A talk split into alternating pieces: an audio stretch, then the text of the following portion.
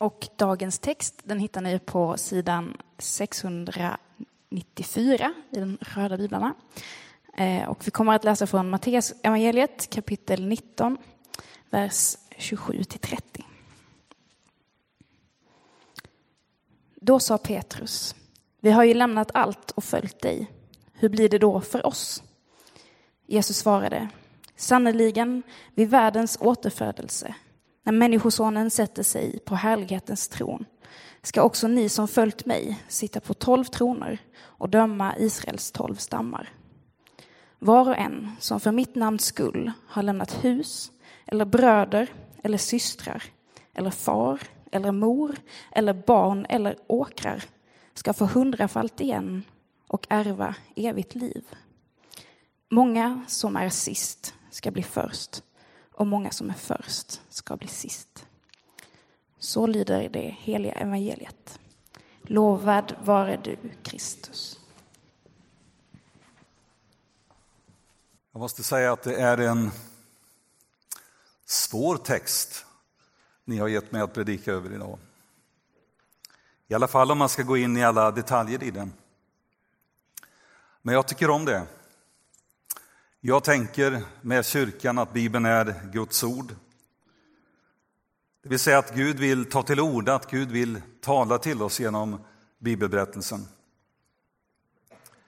Så när jag kommer till en svår text, och en bibeltext kan ju vara svår av olika skäl. Den kan vara svår därför att den skrevs för länge sedan i en annan kultur, i ett annat land än det jag lever i. Och då får jag brottas med språket och jag kan behöva få läsa på för bakgrunden och lära mig någonting för att förstå texten. Av det skälet kan texten förstås vara, vara svår. Den kan ju också vara svår därför att livet inte är enkelt. Den kan vara svår därför att den berör någon svår, djup aspekt av detta att vara människa. Och ibland är bibeltexten svår just därför att vi förstår den. Den är inte svår för att vi inte förstår den, utan vi förstår den. Och den utmanar någonting i våra liv. Den utmanar kanske min bekvämlighet och min inkrökthet. Och den blir obekväm och närgången. Hur som helst, när jag kommer till en svår text så tänker jag att det är som att jag sitter framför ett kassaskåp. Det finns en skatt där inne och den skatten är min. Men jag kanske behöver läsa texten om och om igen.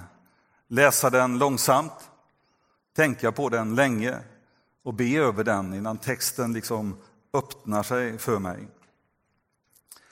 För det är trots allt min övertygelse om att det som står i min bibel, det är viktigt och det är nyttigt för mig. Så här är en sån text. En text som är lite svår. Men jag utgår från att Gud har någonting viktigt att säga till oss genom den här texten in i våra liv idag. Och att om vi kunde få uppleva att texten liksom öppnar sig, att vi till och med kunde få höra rösten bakom orden, Faders rösten bakom orden, så skulle det leda till befrielse i våra liv, glädje, livsmod, vägledning. Så var börjar vi då? Jag brukar börja med en bön. Jag tänker att anden som inspirerat människor att nedteckna orden finns hos oss idag och vill hjälpa oss att förstå vad ordet betyder i våra liv, konkret precis där vi befinner oss, var och en. Så låt mig be en enkel bön. Låt oss medvetet vända vår inre uppmärksamhet mot den Gud som söker oss här. Tack Gud för det vi är med om nu, att få fira gudstjänst tillsammans. I ditt hus, på din dag, bland ditt folk. Vi är på rätt plats, i rätt tid. Och så söker du oss. Jag tackar dig för ditt eviga ord givet till mänskligheten, givet till historien, men också till oss var och en som lärjungar. Låt oss höra din röst in i våra liv idag. Låt oss förstå det vi ska förstå. Amen. Då sade Petrus, så börjar den här bibeltexten. Ordet då Ordet då anger och påminner oss om en av bibelläsningens allra mest grundläggande regler. Text ska läsas i sitt sammanhang. Någon sa att bibelförståelsens tre viktigaste regler är de här. Ett, sammanhang. Två, sammanhang. Och tre, sammanhang. Då sade Petrus, när vi läser då vill vi veta när. Det är någonting som har hänt här. Någonting som gör att Petrus tar till orda. Någonting alldeles konkret har han varit med om. Då ser vi backspegeln. Och ser vi backspegeln bakåt så upptäcker vi att det som hänt är att en rik ung man har sökt upp Jesus. Den rike unge mannen har en fråga att ställa honom. Han vill veta vad han ska göra för att få evigt liv. Det som följer nu, Jesus svar på hans fråga, är ett fantastiskt exempel på andlig vägledning. Det är ett stycke mästerverk i andlig vägledning. Saken är nämligen den att det inte finns någonting du kan göra för att få evigt liv.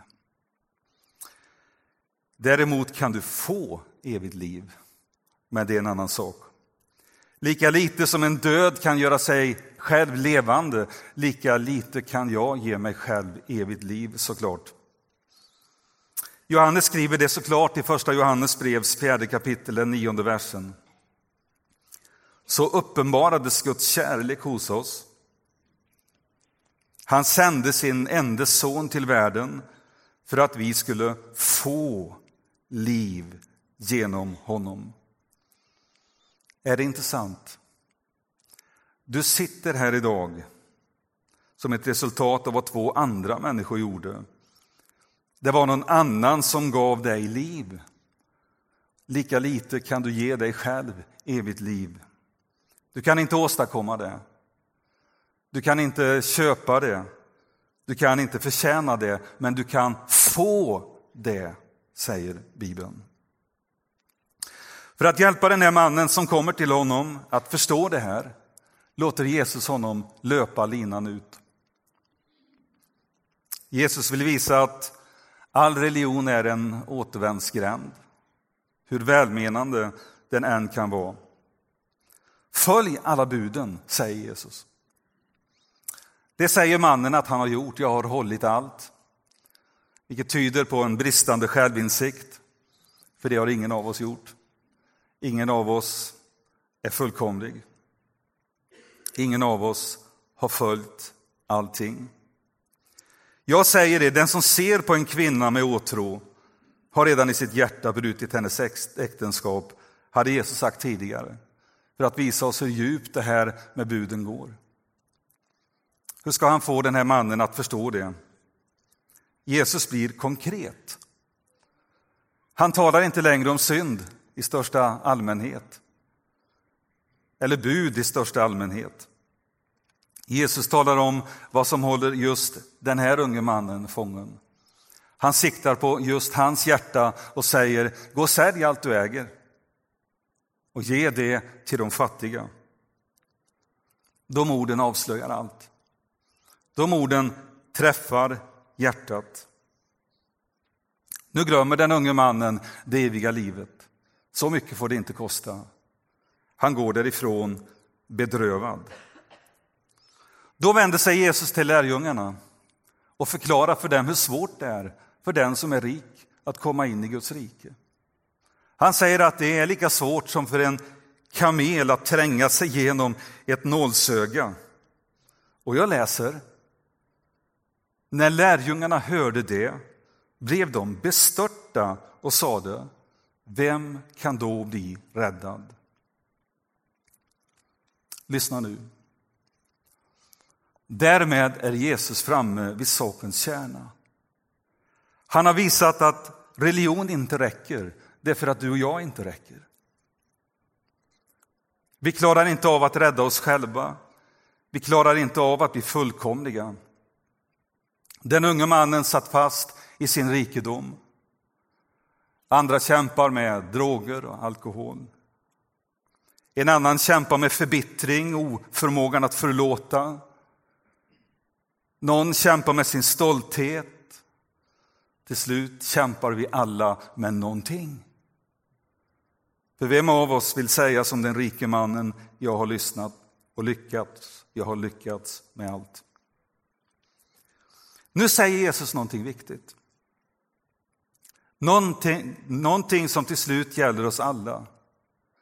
För ska evangeliet verkligen bli evangelium, goda nyheter, en livsförvandlande kraft, en kraft som lyfter oss upp i Guds närhet och förvandlar våra liv inifrån och hela vägen ut.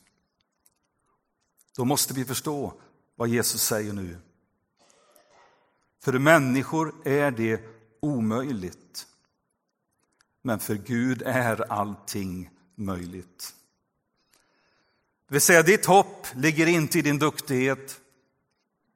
Ditt hopp ligger inte i din rikedom. Ditt hopp ligger inte i din präktighet, utan i Guds kärlek. Så älskade Gud världen att han gav den sin enda son för att de som tror på honom inte ska gå under utan ha evigt liv. Det handlar alltså om Gud och inte dig. Så älskade Gud. Om du ropar, hör Gud. Om du kommer, tar Gud emot. Om du bekänner din synd, förlåter Gud. Om du bekänner Jesus som din Herre och Frälsare, frälser han dig och räddar ditt liv. För människor är det omöjligt, men för Gud är allting möjligt. Detta är fantastiskt. Så lyssna nu. Och jag använder Svenska folkbibelns översättning som är lite rakare i språket här och gör Petrus fråga lite tydligare för oss. Då tog Petrus till orda. Vi har lämnat allt och följt dig. Vad kommer vi att få? Vad tycker du om Petrus fråga egentligen? Är den inte lite låg? Jesus har just förklarat vägen till evigt liv. Vägen till frälsningen och himlen är inte vår väg till Gud, utan Guds väg till oss. Vi kan inte komma till Gud, så Gud kommer till oss. Gud bultar på vår dörr, Gud söker våra hjärtan, Gud förlåter vår synd. Gud ger sitt liv av nåd fritt och förintet. Bara en människa är beredd att ta emot det. Det är oerhört. Men Petrus, Petrus verkar nästan ha missat det där Jesus sa. Det verkar som att Petrus står där i sina egna tankar innestängd i sin egen värld. Allt han kan tänka på, Petrus, är den där mannen som inte ville lämna allt utan lämnade Jesus istället. När det går upp för Petrus att Petrus, att han, Petrus, Petrus ju har lämnat allt. Han har ju lämnat nät och båt och hem och hus och familj och trygghet. Och allt han kan tänka på är vad han ska få för lön för det. Vad ska han få ut av allt? Han som är en sån helt överlåten lärjunge. Vad kommer jag att få? Är det inte bara så hopplöst, tomt, mänskligt, inkrökt alltihop? Jag vill ha, så är det med mig. Jag går lätt dit jag får mest, inte dit jag kan ge mest. Och gav det ingenting så går jag hem. Jesus kom för att ge. Petrus står där och undrar vad han ska få. Vad händer då? Jo, än en gång visar Jesus mästarprov på andlig vägledning. Han möter nämligen Petrus där Petrus är. Och det gör han på två sätt. Han besvarar för det första frågan vad Petrus ska få. Och för det andra ger han en varning till Petrus. Vad ger det då detta att vara en Jesu lärjunge? Vad får du ut av det? Ger det dig någonting? När dina vänner frågar vad ger det att vara en kristen? Varför går du till kyrkan? vad ger det för någonting? Ger det någonting? Får du ut någonting av det? Jesus böjer sig ner till Petrus nivå och ger honom ett svar. Och jag tänker att Jesus måste ha förstått att Petrus inte skulle förstå det svar han kommer att ge. Och ändå ger Jesus Petrus någonting att tänka på för resten av Petrus liv. Det är som att Jesus sätter Petrus i en raket och trycker på knappen som får Petrus att fara upp över molnen rakt in i himlen. Vad du ska få Petrus. Det här är vad du ska få. Du ska få sitta på en tron tillsammans med mig en dag och döma Israels stammar. Det jag ska ge dig är mycket, mycket större än vad du kan förstå just nu. Var och en som för mitt namns skull har lämnat hus eller bröder eller systrar eller far eller mor eller barn eller åkrar ska få hundrafalt igen och ärva evigt liv.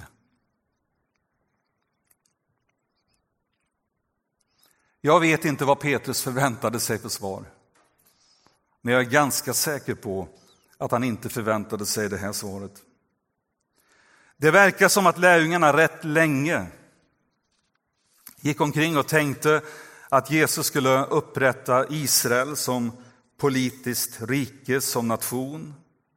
Kasta ut den romerska ockupationsmakten ur landet. Uppfylla profetierna från Gamla testamentet, sätta sig på Davids tron. Upprätta folket, upprätta landet igen. Och kanske tänker då Petrus i sin fråga att han ska få en upphöjd position i detta framtida messianska rike i ett upprättat Israel. Men att upprätta ett litet land, att sitta på en liten tron i ett litet slott, att kasta ut en liten armé som ändå snart skulle vara borta, bortsvept av historiens sopkvast. Nej, Petrus. Det din Jesus håller på med är mycket, mycket större än så. Du tänker så stort du kan, men du tänker för litet. Och så talar Jesus istället om världens återfödelse och härlighetens tron. Det vill säga den här världen ska en dag återskapas. Skapelsen ska en dag återupprättas. Paulus skriver om det i Romarbrevets åttonde kapitel, vers 18 till 21. Det är en bibeltext vår tid behöver. En lidande jord med klimatförändring och allt som ligger i det. Jag menar att den här tidens lidande inte kan jämföras med den härlighet som ska uppenbaras och bli vår. Själva skapelsen väntar och längtar efter att Guds barn ska uppenbaras. Skapelsen har ju blivit lagd under förgängelsen, inte av egen vilja utan genom honom som lade den därunder. Ändå, lyssna, ändå finns det hopp om att även skapelsen ska befrias från sitt slaveri under förgängelsen och nå fram till Guds barns härliga frihet.